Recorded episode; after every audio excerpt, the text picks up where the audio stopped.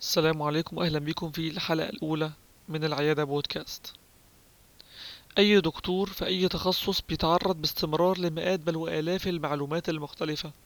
كمان أي دكتور مطلوب منه دايما يبقى واعي كفاية بالمعلومات دي جوه مخه زي جرس إنذار علشان يحس بالخطر ممكن يحصل إمتى ويقدر ينقذ مريضه ويمنع عنه الخطر. السؤال الأهم هل المخ البشري بيقدر كويس يبرز المعلومات المهمة أو الخطيرة وسط الكميات الكبيرة والضخمة جدا دي؟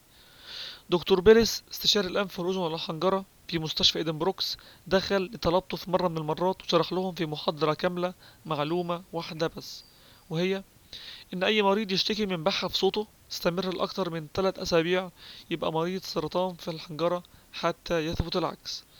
معلومة واحدة بس وصلها لطلبته في أقل من دقيقة.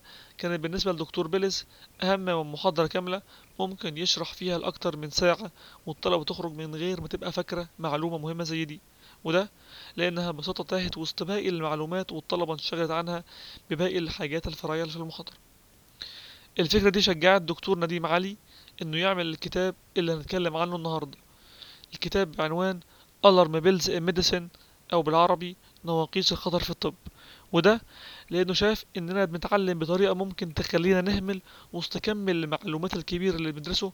معلومات تانية مهمة ممكن ننقذ بيها حياة مريض في أي وقت. دكتور نديم في الكتاب اللي معانا النهاردة جمع أهم عشر أعراض في كل تخصص واللي شاف إنه بس لو كل دكتور بقى عارفها كويس هيقدر يساعد عدد كبير من المرضى أيا كان تخصصه.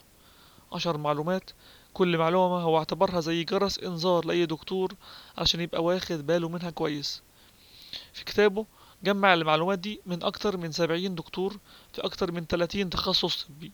قسم كل تخصص فصل لوحده وخلى كل فصل فيه عشر معلومات بس. معلومة أخيرة تخص الكتاب وهي إن عدد صفحات الكتاب مية وتمانين صفحة بس.